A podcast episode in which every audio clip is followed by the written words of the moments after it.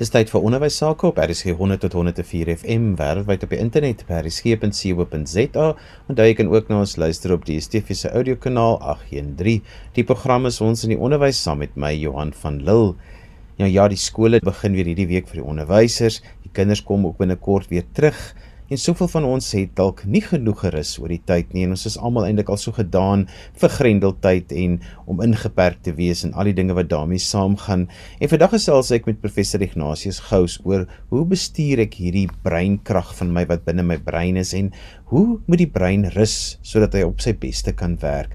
Professor Ignatius Gous is van Unisa. So Ignatius, ons is moeg. Hoe maak ons nou sodat ons breine nou die beste kan wees wat dit kan wees? Almal net genoeg gehad. Nee, ek kan nie meer konsentreer nie. Ek is sommer geïrriteerd en kort van draad. Ek is moeg gedink, moeg bekommer, sommer maar net moeg. Nou ek is ook nie meer lus vir enigiets nie. Maar daar's tog iets wat my pla, want dink 'n bietjie. Skoolkinders kan sogenaamd nie meer konsentreer nie. Hulle gee nie meer aandag in die klas nie. Maar as hulle dan op vakansie gaan, is hulle hiperbesig en het genoeg breinkrag en denkstamina om rekenaarspeletjies tot watter tyd van die nag te speel om sosiaal tred te hou met elke Jan Rap en sy maat se doen en late en om vinnig te kla dat dinge vervelig raak en dat hulle niks het om te doen nie. So is dit nou regtig sodat 'n mens se brein moeg is aan die einde van 'n tyd. Dieselfde geld natuurlik vir studente en volwassenes. Almal smag na 'n maand van niks doen nie wanneer hulle gaan lees en gesels en oor se kantoor waar hulle moet tred hou met reisplanne, vlug en moltrein skedules en roetes waar hulle wisselkoersberekenings moet doen. Of as jy mens nou nie oor see reis nie net hier te lande is waar mens by die huis allerlei opknappingswerk moet doen gesins en familieverhoudinge in klein spasies probeer gesond en lewendig hou. Jy weet dit klink nie vir my veel na niks doen en jou brein laat rus nie. So die vraag is wat beteken dit dus om jou brein te laat afskakel terwyl die mense wat oor breine en denke werk eintlik vir ons sê dat die brein skakel nooit af nie en is selfs aan die werk terwyl 'n mens slaap. Aan die ander kant weet 'n mens self dat 'n mens se brein wel stadiger werk as jy lank aan iets gewerk het of te min geslaap het of dan aan die slaap kan raak agter 'n stuur al weet jy dit is lewensbedreigend vir jouself en vir diegene wat jou omgee. So ons breine word ook moeg. En daar ene Makachion het nogal gesê wat is die tekens van breinuitputting en hy sê dit is wanneer jy oorweldig voel of dis wanneer jy nie meer in kontak voel met jou gevoelens en emosies wanneer jy voel maar jy's nie meer entoesiasties oor iets of dinge nie meer vir jou plesier gee nie. Dis wanneer 'n mens maagpyn en verteringsprobleme het. Dis wanneer jy hoofpyn het of aptydverandering het of slaapversteurings het ook goeie so sinisme of apatie of gebrek aan motivering of die moeilik om te fokus. Dis alles tekens van 'n uh, brein wat oormoeg is en uitgeput is. Ignatius, maar hoe kan 'n mens dan jou brein laat rus? Om hierdie vraag te bedink, moet ons die werking van die brein beter verstaan. En die beginpunt daarvan is dat 'n mens moet weet dat die brein verskillende modusse het van hoe dit aktief is. Nou een manier om hierdie modusse te verskryf, want onthou die brein is geweldig kompleks en mense kan dit op baie maniere doen. Maar een manier is om die onderskeid tussen maak tussen in Engels die executive attention network, the default mode network and the salience network. So die executive attention network is die gefokusde of die toegespitste aandag netwerk. Dit is waar 'n mens nou werklik aandag gee aan iets en dit is waar jy uh fokus op 'n spesifieke ding. Dit is waar 'n mens jou geheue in werking stel om dinge te leer ken en te onthou. Dit is waar 'n mens probleemoplossend werk waar jy verskillende dinge in verband bring, waar jy kyk na 'n probleem en kyk op die ou en toe gaan 'n mens dit die hoof bied. Nou wat hierso wel 'n geval is as 'n mens te veel van hierdie dinge doen of te veel inligting op 'n slag gee, dan kan 'n mens kom tot by kognitiewe oorlading en dit is ook een van die tekens op die ouend van wat hulle mense sê uitbrein uitputting. So die een ding wat 'n mens moet verstaan is jou brein kan soms toegespits wees, toegespitste aandag gee. 'n Groot deel van 'n mens se brein se werking is ook wat hulle noem die default mode netwerk of die vrydenkende modus of miskien met mens liewer uh, daarvan praat as die vryswewende denknetwerk Want jy weet my pa het altyd gepraat van die twee meisies wat gepraat het en gesê het o, jong haar kerel is 'n vrydenker en so sê die ander een hm, my kerel dink ook net daaraan. So kom ons praat dan liewer van die vry swewende denknetwerk. Dit is wanneer 'n mens dagdroom. Nou, wanneer 'n mens dagdroom, is daar ook verskillende dinge wat jy kan doen in dagdroom. Uh, baie mense dink dagdroom is net 'n verkeerde ding, dis wanneer jy nie aandag gee nie. Nou dit is waar, dit is een van die moontlikhede. Die ander dinge wat mense doen met dagdroom is wanneer hulle hulle bekommer of top oorgoeters wat nie gewerk het nie of wanneer hulle bang is dat dit wat hulle doen nie goed genoeg is nie, wat hulle gaan misluk of so voort. Maar eh, 'n uh, groot deel van dagdroom is wanneer wat hulle praat van die positief konstruktiewe dagdroom. Dit is wanneer 'n mens dink oor die goeders wat jy geleer het in jou gefokusde of toegespitste aandagnetwerk en waar mens die dinge uitsorteer en verbande lê en so voort. En die navorsing hieroor en daaroor het ons nou al 'n paar keer gepraat, gaan daaroor dat 'n mens tot helfte van jou wakker wees spandeer 'n mens hieraan. Nou as dit net 'n negatiewe ding was, weet net tipe van verkeerd was of nie aandag gegee het nie, sou dit nie so eh, voorgekom het of so aangehou het nie want uh, dan het dit nie 'n oorlewingsfunksie vervul nie. En die feit dat dit wel so bly wys dit gee 'n uh, oorlewingsfunksie. En dit is hoekom die navorsers daaroor sê mens moet op die ou end kyk na jou default mode netwerk of jou dagdroom tipe van uh, aktiwiteite en ook beheer daaroor neem dat wanneer dit gebeur want dit gebeur helfte van jou wakker wees dat dit op die ou end 'n positiewe tipe van ding is. Die volgende tipe van netwerk is jou salience netwerk of jou prominensie netwerk en dit is waar daar tussen die uh, toegespitste aandag of die vryswewende denknetwerk waar hy sê nou maar goed, wat is dit wat ek op aandag moet gee? En dit kom uit die omgewing uit waar mense sê nou maar goed, hierdie is 'n behoefte en dit is iets wat op die ouend wat nou my aandag verg. 'n Ander ding wat 'n mens moet op die ouend ook na kyk is na breingolwe of wat 'n mens bewus moet wees as hoe jou brein werk en daar kan 'n mens dus nou sien dat jou brein werklik nooit slaap nie daar's verskillende maniere van waar hy is. Daar is 'n tipe van 'n diep slaapmodus, daar's ook 'n tipe van 'n rustige modus, daar's 'n aandag modus en daar's 'n angstige modus. Die implikasie van hierdie drie netwerke en dan ook van die breingolwe is dat 'n mens moet besef die brein is altyd besig. Hy's nooit afgeskakel nie. Hy is net verskillend besig. En as 'n mens dink daaroor om hoe die brein te laat rus, dan moet 'n mens nou kyk wat is die implikasies daarvan en dit gebeur op twee vlakke. Die eerste ene is wat doen 'n mens na lang tyd? Want daar is nou dinge soos kwartaale en daar is 'n einde van die jaar. Maar ek dink die belangriker ene is op die ou end wat doen 'n mens elke dag?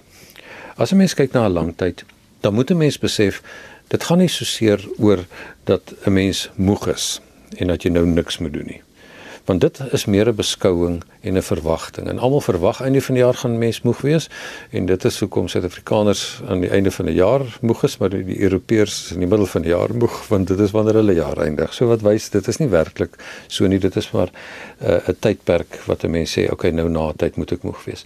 Maar verandering in na 'n tydperk, weet of dit nou 'n kwartaal is of wanneer dit aan die einde van die jaar is, uh, gee vir 'n mens tyd om tot verhaal te kom en om jou gedagtes te sorteer. Uh dit is amper soos 'n bietjie van 'n verlengde dragdroom as as dit ware. So dit is goed om 'n breek te vat en om te gaan rus. Maar kom ons praat liewerster oor wat 'n mens elke dag moet doen want daar is die ding wat 'n mens moet doen of die vermoë wat 'n mens moet ontwikkel is hoe om tussen hierdie modusse, hierdie denkmodusse wat ons nou nou van gepraat het om daar tussen te migreer. En die beginpunt is 'n beskikbare brein en die voortsetting is 'n beheerde brein. Die beginpunt van 'n beskikbare brein is gaan oor slaap, oor voeding en oor oefening. En 'n mens moet weet, 'n brein moet genoeg slaap kry en dit moet ook goeie slaap wees. Want indien dit nie gebeur nie, dan beteken dit 'n mens verstadig en veral die twee dinge wat gebeur as 'n mens se brein uh, nie genoeg slaap kry nie, is dat jou visuele waarneming word negatief beïnvloed en dit is hoekom mense as 'n mens sinne dan maar bestuur dat jy nie baie goed genoeg op visuele impulse kan reageer nie en hoekom dit gevaarlik is. Maar die ander ding wat ook plaasvind is dat mens kan nie geheueverbande lê nie. En uh die hele dag is 'n mens besig in 'n geval om nuwe dinge te leer en as jy nie genoeg slaap kry nie, dan beteken dit dit gaan op die ou end een oor in en die ander oor uit. En daarom is dit verskriklik belangrik dat 'n mens genoeg slaap het. Voeding is ook verskriklik belangrik want op die ou end die brein is 'n orgaan en 'n mens moet 'n uh, sekere uh met glikose uh, uh, gee dit vir 'n mens organiese chemikalieë soos ATP, dit is adenosine trifosfaat wat dan in jou selle geberg word en oordra. Maar die belangrike hiervan is maar net ons moet 'n gebalanseerde dieet hê. Dit help nie om jou brein eenvoudig met 'n klomp glikose uh, te stimuleer nie want dit het negatiewe gevolge. Mens moet 'n gebalanseerde dieet hê wat vir wat 'n mens se brein ondersteun. Jy luister na ons in die onderwys saam met my Johan van Lille. My gas vandag is professor Ignatius Gous. Ons gesels 'n bietjie oor hoe kan ek my brein skerp hou en wat is die beste manier om my brein te laat rus? Wanneer 'n mens 'n beskikbare brein moet hê, dan beteken dit met 'n mens die regte dinge eet en dit is 'n gebalanseerde dieet. Maar 'n ding wat 'n mens werklik kan wat dit ondersteun, is wanneer 'n mens dinge soos groentee en blou bessies en rooi druiwe en geel borrie en donker sjokolade eet en goeie koffie drink en olyfolie en, en eiers en die vetsoorte vis. Maar dan op die ouend oefening is net so belangrik en dit is waar 'n mens die brain derived neurotrophic factor moet ontwikkel deur te oefen want op die ouend dit maak dat hierdie stof afgeskei word wat jou brein ondersteun en hom soepel hou en dis meer. So die beginpunt van 'n beskikbare brein gaan oor slaap, gaan oor voeding, dit gaan oor oefening. Maar die voortsetting van om op die ouend 'n brein te hê wat kan rus en ontspan is om jou brein te beheer. Want jy weet elke dag kom daar 'n absolute onoorskoubare hoeveelheid impulse waaraan 'n mens moontlik aandag kan gee. En mens kan nie aandag daaraan gee nie. Jy weet, dit is hoekom mense wat alles alles onthou en daar is sulke mense in die wêreld daar is dit word opgeteken hoekom hulle nie goed kan funksioneer nie want hulle kan nie selekteer nie. Daar is net eenvoudig te veel. Deel van 'n uh, brein is om met ander woorde te kan selekteer en te fokus op die dinge wat vir jou saak maak. En dit maak dit op die ou en dit behartigbaar. Maar nou hoe beheer 'n mens jou eie brein sodat 'n mens kan rus? En die begin van beheer gaan oor bewuswording so wat ek nou vir jou wil voorstel is om vir net vir 'n week of 2 'n gedagte of 'n denke joernaal te hou waar jy kan agterkom wat hou jou kop besig. Waarin dink jy heeldag? En gemaak nou maar 'n boekie of gaan soek 'n app op jou foon waar jy kan sê jy weet amper soos 'n een van hierdie apps wat uh, mense gebruik om hulle kliënte se geld te vra vir die dienste wat hulle lewer. Gaan kyk wat daar is en dan hou jy rekord van waaraan jy dink. Maar onthou wat jou denkmodusse is en maak dus 'n onderskeid tussen byvoorbeeld jou executive attention network wat jou toegespitste denke na 'n uh, netwerk en jou die ander netwerk wat gaan oor jou default mode netwerk wat jou vry swewende denke netwerk is. En dan gaan kyk jy wat doen jy wanneer jy toegespitste aandag het? Met ander woorde, sê nou maar gebruik ook aandag bemeestering en probleemoplossing as kategorieë. Wat wat is dit in my werk? Of wanneer ek fokus, wanneer ek aandag gee. Wat is die tipe van dinge wat ek in my werk moet bemeester en wat ek moet leer en wat doen ek daarmee? Hoeveel van my gedagtes gaan oor probleemoplossing of toepassing van dit wat ek geleer het en dit wat ek aandag gee? In jou vryswewende denke netwerk skryf alles neer wat in jou kop opkom en dan gaan kategoriseer jy na die tyd en sê nou maar goed die goeders waaroor ek dink is uh, ek is bekommerd hieroor ek is bly daaroor uh, hierdie is die goeders wat ek bymekaar kry hierdie is die goed wat ek sommer net tydmors is.